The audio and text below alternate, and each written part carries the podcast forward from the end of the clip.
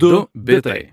Laida Dubitai remia elektroninės komercijos marketingo automatizavimo platformą kuriantis Lietuvos startuolis Omnisend. Prisijung prie komandos omnisend.com. Sveiki klausytojai, čia laida Dubitai ir po vasaros atostogų grįžtame į eterį trečiajam sezonui. Valio. Trečias sezonas. Trečias Valio. sezonas dviejų bitų. Prie mikrofonų Lukas Kraitis, Jonas Lekevičius. Labas, Jonai. Labas, Lukai. Netgi pasilgau tavęs. Taip, aš pasilgau daug ko. Pasilgau tavęs, pasilgau- laidos, pasilgau technologijų naujienų, viskas uh, kažkaip į savo vietas dabar sugrįžo. Taip, tai mes palsėjom maždaug daugiau mažiau ir e, pasiruošę esam, kaip visada, jums e, pristatyti visas svarbiausias savaitės, o šiuo atveju ir vasaros naujienas iš technologijų pasaulio, kadangi visą vasarą atostogavom, galbūt ir jūs atostogavote, tai šiandien skirsime tiesiog apžvalgą, ką praleidome. Birželis, Liepa rūpiutis, kažkas įvyko svarbaus, nelabai svarbaus, apie tai ir papasakosim. Ir pirmoji naujiena, ji tikrai ne pati svarbiausia, bet viena jokingiausių iš e, dviejų bitų geltonųjų puslapių, tai yra apie dviejų milijardierių neįvykusią dėja kovą. Oi, neatsimenu, kaip grota savo džinglą. Tai, tai va, tai gaila, bet neįvyko dešimtmečio tikriausiai būtų buvusi kova tarp meta vadovo Marko Zuckerbergo ir Elono Musko, šią, šiuo atveju atstovaujančio labiau tikriausiai SpaceX, bei taip pat ir Twitterį. Twitterį. Um, nu, Jie jau Twitterį. pešasi dabar kaip du socialiniai gigantai. Tai birželio mėnesį buvo, buvo tokia idėja, kad e, du milijardieriai kovos ringe, tai yra narve, su rankomis ir kumščiais ir nagais. Kaip viskas įvyko, papasakojom. Tai uh, viskas, kaip suprantu, prasidėjo nuo to, jog Zuckerbergas pradėjo galvoti, jog ten nukopijuos e, Twitterį, mes pat, tai, tai bus kita naujiena, bet uh, Maskas panašu, panašu įsižeidė ir į kažkieno komentarą pa, pasiūlantį susimušti su Zaku, susikauti ringe, pasakė jo. Tada Zakas padarė to vaizdą, vaizdo nuotrauką ir pasakė, nu gerai, pasiūlyk laiką. Pirmiausia, planas buvo susi, susikauti Las Vegaso oktagonį ir tą organizuotų Amerikos uh, kautynių ten čempionatas. Bet labai greitai kažkur ta idėja dingo, niekas apie tai nieko nebešnekėjo. Panašu, jog uh, Maskas pasakė Zuckerbergui, jam reikia kažkokią pečio operaciją pasidaryti. Žodžiu, viskas taip prapuolė. Um, bet uh, Zakui toliau sekėsi viskas vis, visai gerai ir Maską toliau tai erzina, jog jis nebegauna dėmesio. Ir tada idėja sugrįžo. Ir šį kartą idėja sugrįžo kautis uh, Romos koliziejuje. Uh, Italija išgirdus šitą naujieną pasakė, jog uh, ką, ne, nieko panašaus nebus. Uh, bet tada Maskas pasakė, jog bus kitoje įspūdingoje Italijos vietoje, nežinia kur. Ir vėl metė iššūkį, iššūkį uh, Zuckerbergui. Uh, Zuckerbergas jau buvo ganėtinai užsiknisęs ir praktiškai ignoravo visas šitas nesąmonės. Um, sako, arba duok laiką ir vietą, arba baig uh, dėmesio čia uh, laukti. Ir tuomet Maskas nutekino savo susirašinėjimą su Zuckerbergu, kur, kur sakė, o aš būsiu rytoj Silicijos lėnėje, atvažiuosiu prie tavo namų, susikauti tavo kieme. Um, Zuckerbergas toliau ignoravo jį, nesuprato, kad čia visiškai nesąmonė. Maskas tą priėmė kaip, o, Zuckerbergas yra viščiukas, nenori kautis. Um, na ir tada jau Zuckerbergas buvo paskutinis taškas padėti iš to istoriją, pasakė, jog aš, Maskas nerimtai visą tai žiūri. Um, aš, man šitas sportas patinka, aš jį žiūriu rimtai ir kol nepasiūlys tikro laiko ir tikros vietos, aš tiesiog ignoruosiu. Na ir čia ir baigėsi ta nesąmonė. Na, Zuckerbergas yra 18 metų jaunesnis už uh, Maską, jis be to yra maišytų, maišytų kovos menų čempionas, tai daug kas būtų statę už Zuckerbergą, bet jeigu, jeigu klausote ir galvojate, kas čia per nesąmonė, tai būtent uh, vasaros pradžioje internetas turėjo progą stebėti šią didelę nesąmonę, kai du milijardieriai, didžiausi pasaulio verslininkai, uh, neaišku, ar rimtai ar nerimtai diskutavo, ar jie turėtų susimušti ringę. Uh, aišku, ne, nemažai kas sakė, kad jeigu muštis iki tol, kol vienas iš jūsų grius negyvas, tai mes palaikom. Buvo ir tokių reakcijų, bet verta paminėti, kad jie turi dėl ko nesutarti. Pavyzdžiui, 2016 metais su Falcon 9 raketa uh, pakilti turėjo 200 milijonų kainuojantis, pali- kainuojantis palidovas, e, kurį investavo Facebookas. Uh, tas palidovas būtų tiekęs ryšį Afrikoje, bet su ta raketa, kuri priklauso Elonui Muskui ir SpaceX, jinai susprogo prieš pat pakylant uh, ir sunaikino tą palidovą ir dėl to Zuckerbergas labai garsiai pabambėjo mm. ir liko tai nepamiršta iki šiol. Ne, man tai pagrindinė išvada dėja šitos istorijos yra, jog Maskas labai nerimtai žiūri visą savo komunikaciją ir praktiškai negali rimtai priimti nieko, ką jisai sako.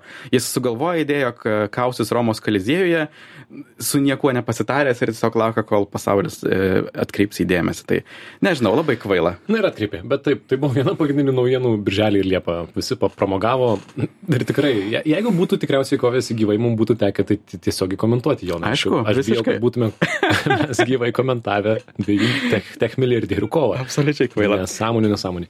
Gerai. Na ką, bet, bet yra tikrai priežastis, dėl ko, dėl ko jie pešasi šią vasarą. Taip. Ir tai yra socialinės medijos. Taip. Tai dar viena naujiena apie tai, kad e, Freds, e, toksai socialinis tinklas, jau šią akimirką veikia ne tik kaip appsas, bet ir desktopė, bet vis dar ne Europoje. Tikrai taip. Liepos viduryje pasileido nauja su Instagramą susijusi tokia platforma, kuri yra tiesioginis Twitterio konkurentas, kur tu gali parašyti trumpus viešus tekstinius įrašus, na ir visi gali sekti ir, ir komentuoti. Ir pirmomis dienomis augimo tempai sumušė visus rekordus. Gavo 100 milijonų vartotojų per 5 dienas. Gerokai aplenkdami chat GPT, kuriems tai užtruko regis apie mėnesį, kas jau tada buvo rekordas e, įspūdingas.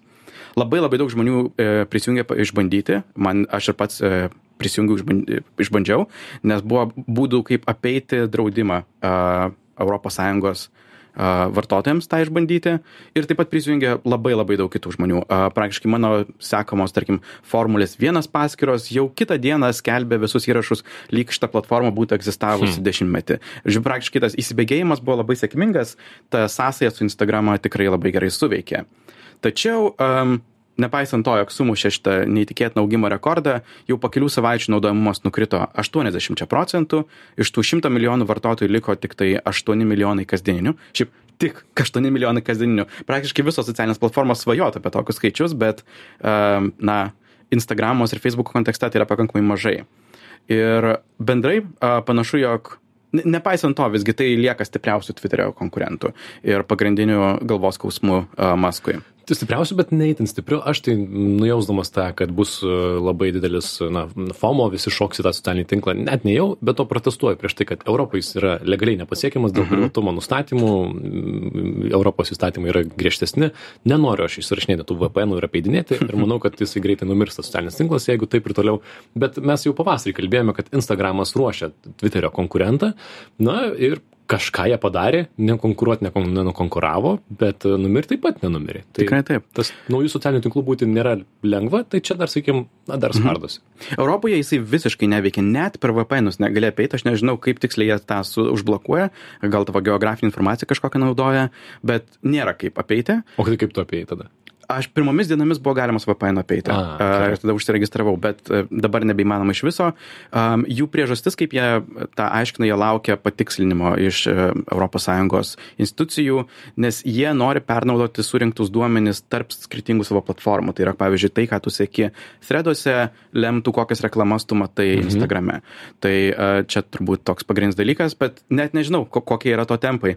A, Bardas jau pradėjo veikti ES. Mhm. Google Bard e, pokalbių robotas. Taip, o kada atsiras threads, neįsivaizduoju. Taip, tad jeigu nesate Freds by Instagram socialinio tinklo dalyviai, nenusigraužkit nagų, nieko ten ypatingo dar kol kas nepraleidžiat.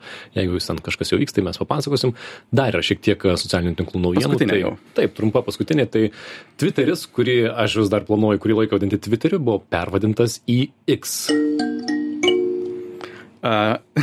Is- istorija pavadinimu mes, kas toliau ieško dėmesio, tęsiasi ir Liepos galiai jisai pervadino savo įsigytą socialinį tinklą Twitter į savo mėgstamiausią raidę X. Uh, na, akivaizdu, jog čia jo mėgstamiausia raidė su SpaceX, Tesla Model X, net savo vaiką pavadino X raidę.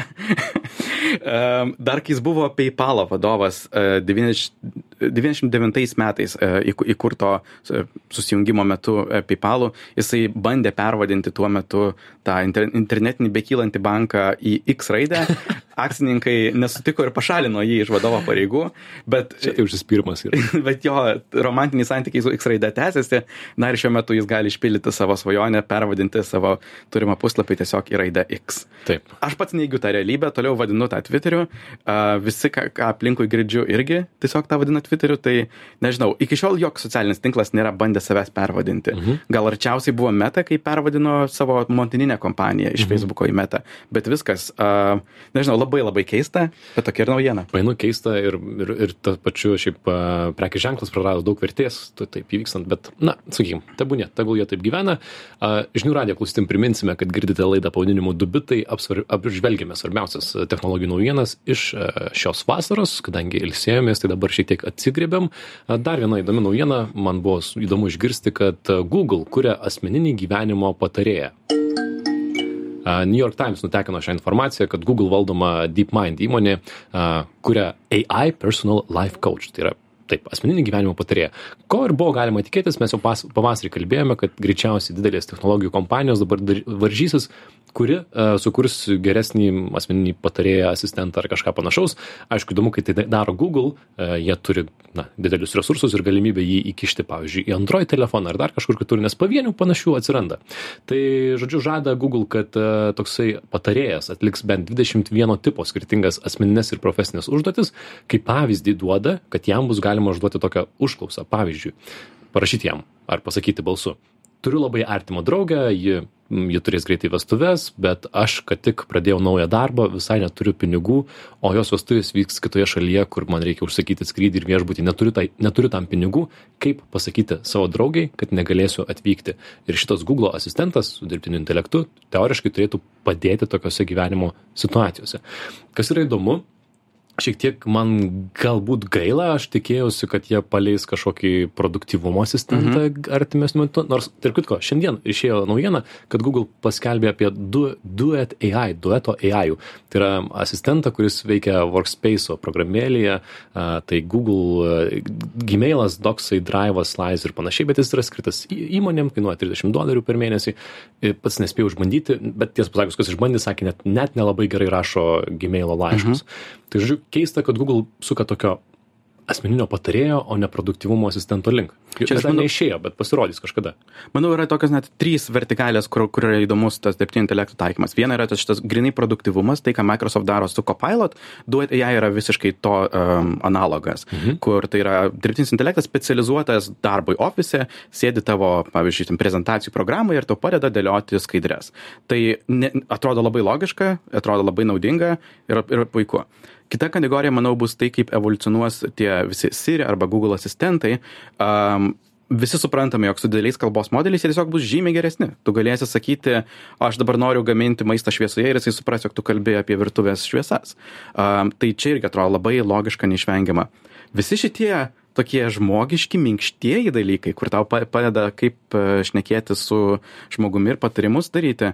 Hmm, čia jau daros visai įdomu. Mhm. Visiškai priešingybė to, kaip mokslinė fantastika įsivaizdavo robotus, žinai, kurie absoliučiai nesupranta emocijų. O čia kaip tik einame pas dirbtinį intelektą kaip pagalbininką. Taip, ir, bet tokių asistentų jau atsiranda daugiau. Pavyzdžiui, mūsų vienas klausytojas Erikas papasakojo apie tokį p.ai pokalbių robotą galima išbandyti, kuris yra tarsi tavo asmeninis psichologas. Ir tiesą pasakius, žinau, kad mūsų klausytojai taip pat išbandė ir sakė visai neblogai uh, veikia. Nors vat atsidariau, jis sako, aš ne tera, terapeutas, aš puikus klausytojas. Bet, Aha. na tai galima išbandyti, kažkam su mūsų. Ir visgi, aš labiau laukiu asistento, galėsiu, kuriam galėsiu pasakyti, ei, gavau laišką gmailę su darbo pasiūlymu, paskaičiuok, kiek galėčiau už tą darbą paprašyti pinigų ir įdėk man į kalendorių ir pas, na žodžiu, mhm. padaryk viską už mane, ar ne? Būk tikras asistentas. Tai to dar nėra, bet mes sekame naujienas, jeigu tai bus, tai išbandysim pirmiau ir papasakosim. Bet labai tikėtina, kad jau šiais metais, manau, atsiras, na, metų pabaigoje kažkas panašaus į tą pusę. Taip, tokias seklytės beaugančias to. Taip, turim naujienų ne tik apie dirbtinį intelektą, nesame vien tai dirbtinio intelekto laida, kol kas dar uh, apie puslaidininkius naujieną tai taivano puslaidininkių gamintoja tsmc pranešė vokietijoje drezdene statysianti pirmąją savo lustų gamyklą europoje. Tai yra na didžiausias pasaulyje silicio plokštelių e, gamintojas.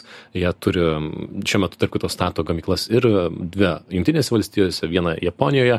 Jie žada gaminti europoje ne pažangiausius lustus bet kiek senesnio modelio skirtus mhm. automobilių pramonei iš viso investuos apie dešim milijardų sukurs du tūkstančius darbo vietų ir žada pradėti gaminti 27 metais tuos lustus. Ir jo, tiesiog, e, tarp kitko, aišku, tai sukėlė šaršalą Lietuvoje, jeigu kažkam teko skaityti spaudą, buvo tokių, na ir politikų, ir, ir žmonių, kurie sakė, tai kaip čia ne Lietuvoje, juk politikai žadėjo, kad Lietuvoje statys lustų gamyklą. Ir aš sakiau, kad tai yra labai naivu, tikrai pas mus nestatys. Tarp kitko, reikia paminėti, kad netgi Junktinėse valstijose gamyb, gamyklos statybos stringa dėl kvalifikuotos darbo jėgos trūkumo. Mhm. Ką jau kalbėti, surinkti tiek žmonių, resursų ir visko Lietuvoje. Gali būti panaši reakcija turbūt buvo visose Europos šalise, kurios nėra Vokietija.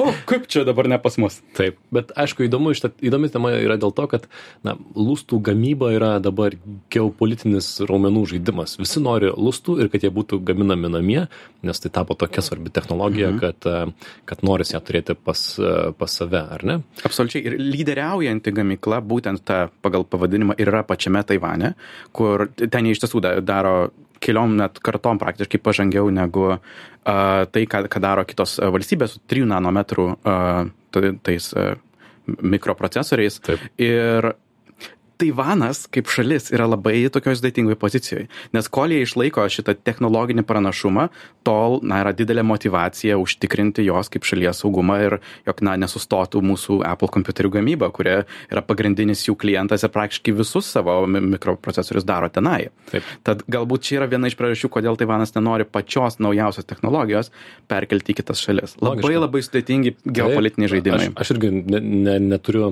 kompetencijos kištis, bet, na, bet yra tokių, pavyzdžiui, nuomonių, kad jungtinės valstijos nebereikalo nori ginti Taivaną, nėra tai vien tik tai vertybių ar, ar, ar sutarčių klausimas, tai yra ir tai, kad Taivane yra labai svarbios technologijos e, Amerikos ekonomikai. Ir daug kas sako, tai yra pagrindinė priežastis, dėl ko Amerikai tai rūpi. Aš neturiu mhm. nei nuomonės, nei kažką sakau, bet įdomu, įdomu, kad šita technologija tapo tokiu geopolitiniu žaidimu. Na, o be Apple kitas TSMC vienas pagrindinių pirkėjų yra Nvidia. Taip, ir papasakosim apie tai, kad Nvidia buvo gera, gera vasara taip pat ir tiems, kas investavo į šitą įmonę visiškai nepaslaptis, jog pasaulis eina iš proto dėl dirbtinio intelekto. Atrodo šiuo metu kiekvienas startuolis, kuris kažką tik tai daro, net nesvarbu tiesą sakant, ką daro, visi bando sugalvoti, kaip mes dabar dirbame su dirbtiniu intelektu, net jeigu nieko panašaus nedaro, užsiklijuoja lepduką, jog mes esame dabar dirbtinio intelekto kompanija ir visi bando investuoti į šitą naują bangą ir su ja susijusius reikalingus kompiuterijos resursus. Tai yra pagrindė geriausios grafikos plokštės tam reikalingos, kurias konkrečiai kuria būtent Nvidia kompanija, nes jie turi unikaliai tik pas juos veikiančią tokią CUDA biblioteką, kuri iš esmės yra pagrindas viso modernaus dirbtinio intelekto. Mhm. Na ir jie tiesiog gali žerti saujomis pelną, nes tiesiog jie gali užsidėti kokias tik nori kainas ir viskas yra išparduota. Um, net pernai nurašytos praeitos kartos inventorius uh, išpardavė šiemet didesnėmis kainomis negu originaliai buvo pardavinėjama. Žiūrėjau, jie išgyvena tikrai tokią aukso karštinę ir, ir pristatė savo ketvirčio rezultatus ir per vieną ketvirtį pardavė šitų pro, grafikos plokščių procesorių už nekuklius 13,5 milijardo dolerių ir savo ramiai ir linksmai sėdi ties uh, 1,2 trilijono dolerių verte. Taip. Tad įspūdingai gerai gyvena Nvidia, pagrindinis būtent šitos dirbtinio intelekto bangos laimėtojas. Akcijos šitos įmonės nuo metų pradžios padidėjo 230 procentų ir uh, na, įdomiausia, kad netgi tie visi, kas spėjo, kiek uždirbs šitą kompaniją, net spėjo, jinai pagerino rezultatus labai stipriai. Netgi matau vieną antraštę, kur šią akimirką fondų valdytojai yra baudžiami, kurie neinvestavo į wow. Nvidia už tai, kad nenusipirko jos, nes, na, nu, žodžiu, visi nustebė. Bet tuo pačiu, taip, šių laikų auksas. Ir Jonai, esi pats minėjęs, ne, kad labai sunku rasti resursų kažką daryti su dirbtiniu intelektu šią akimirką. Visiškai neįmanoma. Aš kaip tik šią vasarą norėjau paeksperimentuoti šiek tiek su uh, debesijoje išnaudoti dirbtinį intelektą. Um, tai yra kai, kai kuriuos tos modelius pasileisti debesyje, išsinuomojant grafikos plokštės, neįmanoma jų rasti. Ne tik viskas yra fiziškai išparduota ir kainos, uh, kokias tik nori, gali užsistatyti, bet ne, jeigu nori tiesiog išsinuomoti nuomoties valandai tam, jog kažkokius skaičiavimus atlikti, viskas yra užimta, turi privalai eiti į ilgus kontraktus pasirašymo.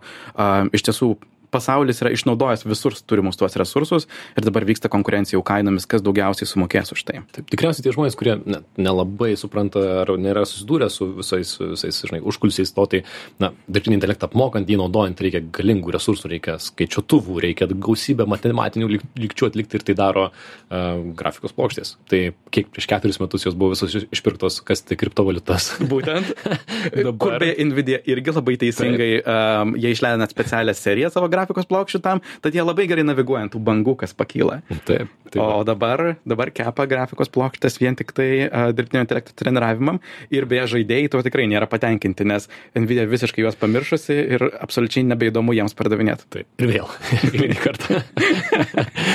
taip, puiku. Dar turim laiko, man atrodo, vienai labai įdomiai naujienai. Jonas čia šią vasarą tikrai žinau, kad šitą temą, temą kasnėjo apie LK99, ne tai nėra mano inicialai, bet e, ir nėra mano krepšinio numeris, bet e, vasarą čia nėra su technologijom susijęs, labiau susijęs su mokslu, bet e, buvo atsiradęs toksai superlaidininko potencialas pavadinimu LK99. Jonas Digino šitą temą labai giliai tai papasakos tikrai čia buvo toksai labai įdomus e, sumišimas internete kokį vienai ar pusantros savaitės. Liepos e, gale gimė viltis, jo galbūt netyčia atrado tokią fizikų ir chemikų ieškomą vienaragio medžiagą. Hmm. E, tai yra kambario temperatūros ir aplinkos slėgio superlaidininką. Čia tokia mistinė medžiaga, visi, kurią visi bando surasti. Tai yra medžiaga, kuri normaliomis sąlygomis, ne labai dideliame šaltyje arba ne šimto tūkstančių atmosferos e, slėgių spaudinime sugeba būti superlaidininku, tai yra be jokios e, varžos praleisti e, elektros rovę. Jeigu šita medžiaga būtų atrasta, jinai tikrai galėtų labai daug industrijų revoliucionuoti. E, nuo tokių tiesioginių dalykų, kurie tai būtų, pavyzdžiui, magnetinės levitacijos traukiniai taptų a, pakankamai įperkami, a, turėtume itin jautres antenas, kurios ne tik panaikintų a, ryšio zonų kažkokį užsibaigimą, mhm. bet galėtume turėti labai jautrius magnetinio rezonanso tyrimus ir net tokius, tokius dalykus kaip labai talpas baterijas. Tai yra tikrai didelė priežastis, kodėl visi ieško šitos vienaragio medžiagos, mistinės a, kažkokio alchemiko akmens, kuris a, išspręstų mūsų visas problemas. Taip, tikriausiai telefono baterija laikytų kiek savaitės, gal net, gal net mėnesį. Gal net tai mėnesį. būtų įspūdinga. Jeigu jeigu, jeigu ta medžiaga egzistuotų. Ir ta viltis sužybo labai ryškiai, kai Pietų Korejos mokslininkai paskelbė būtent apie šitą LK99 medžiagą.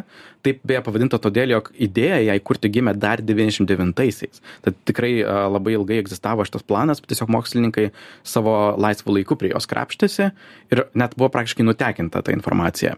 Bet uh, tas sukūrimo procesas skambėjo pakankamai paprastai, jis atrodė vos nebeveik kaip tiesiog virtuvinis receptas. Ten paėmė šiek tiek švino, pakepė 24 valandas, tada biškai sumaišai su variu, dar pakepė, sutrini miltelius ir tada iš orkaitės išsitraukė savo levituojantį akmenį, kuris pakeičia visas industrijas. Skamba labai gerai. labai gerai skambėjo ir kai šitas mokslinis darbas atsirado internete, šimtai laboratorijų, universitetų ar tiesiog pavienių chemikų savo namuose, kurie turėjo medžiagas, bandė tą padaryti replikavimą, tai yra atkartoti pagal jų turimas instrukcijas ir duomenis na, atkurt tą medžiagą ir taip pat ištirti, ar jinai turi visus tuos superlaidininko požymius. Tai buvo tikrai labai toks didelis samedžis internete. Daug vilties sutikė, kai JAV dirbanti mokslininkė Sinead Griffin padarė kompiuterinę šitos medžiagos simulaciją ir jinai parodė, jog iš tiesų yra tam tikri rėžiai šitos medžiagos egzistavime, kurie indikuoja, jog potencialiai tai gali būti superlaidininkas. Ir tada visi, wow, čia mes esame žingsnis nuo naujo pasaulio, kuriame viskas bus žymiai geriau. Buvo daug įtartinų video, kur žmonės rodė, kaip tas, e, ta medžiaga levituoja link magneto, demonstruodami taip vadinamą Meisnerio efektą, bet tai tie video nebuvo labai kokybiški ir žmonės tarinėjo, gal čia ne viskas yra tikra. Na, dabar jau žinom istorijos pabaigą. Žinome, jog tai tikrai nėra ta legendinė vienaragių medžiaga, nes visi bandymai atkartu, atkartoti, jie nerodo to uh, superlaidiniškumo. Labiau panašu, jog net medžiaga yra izolatorius. Aš ne, čia jau visiškai perinu į tą vietą, kur nebesuprantu, kas ir kodėl kaip veikia. Tai turbūt ir baigstas šitą naujieną, bet, bet buvo labai smagu savaitę stebėti, kaip internetas dūzgia su bandymu atkartoti šitą šitos medžiagos Taip, sukūrimą. Manęs irgi kažkas klausė, čia sako, mačiau tik tokią LK99, bet aš tik buvau nuo pat pradžių skeptikas ir nešokau iš tą traukinį, nu, nors mačiau, kaip tu džiaugiesi, kadangi ta publikacija buvo pasidalinta, jinai nebuvo recenzuota, ji nebuvo kitų mokslininkų recenzuota ir tai reiškia, kad tu gali sakyti, ką tik tai nori. Tai tie pietų korėjos mokslininkai, na tikrai paskubėjo šiek tiek su rezultatais. Girdėjau ten tokių spėjimų, kad ta, kažkas, kas buvo įdėta į tą medžiagą, galbūt netyčia buvo iš anksto įmagnetinta ar tyčia, mhm. kas čia žino. Žodžiu, mo mokslo pasaulio srities mini skandalas įvyko ir mini širdies smūgis pusiai pasaulio fizikų, kurie sekundę. Aš manau, kad mažai kas patikėjo, kad gavom kambario temperatūros laidininką. Tiesa, Čia mokslininkai būtų... buvo žymiai labiau skeptiški negu vidutiniai internautai, Taip. kaip aš, e, kuris e, labai stebėjo, kaip e, visas pasaulis tiesiog dūzgia. Bet buvo labai linksma buvo patikėti Taip. bent vienai savaitę, jog mes galim gyventi ateityje jau, jau labai greitai. Taip, žmonėms buvo proga pasidomėti fiziką dar kartelį, prisiminti pagrindus. Tai va, tiek šiandien tikriausiai tų naujienų ir sutalpinome. Kitą savaitę sugrįšime, kalbėsime tikrai kažkiek apie pramogų pasaulį planuojame. E, taip pat rudenį pasirodys vienas naujas telefonas, ar netikėtina? Greitai nors vaisių kompanija išleis. Taip, e, tai žodžiu, sugrįšime tikrai po savaitės. Čia buvo laida Dubitai, Lukas Keraitis ir Jonas Likevičius. Kaip visuomet, mūsų šaltiniai yra svetainėje dubitai.com, mūsų galima klausytis per Spotify ir kitur. Turime technologijų naujienos Facebook grupę, kur karts nuo karto parašome ir žinių radio svetainėje taip pat visa informacija. Mes sakom iki kitos savaitės. Iki. Čiau, čiau. Du bitai. Laida Dubitai remia elektroninės komercijos marketingo automatizavimo platformą kuriantis Lietuvos startuolis Omnisend. Prisijung prie komandos omnisend.com.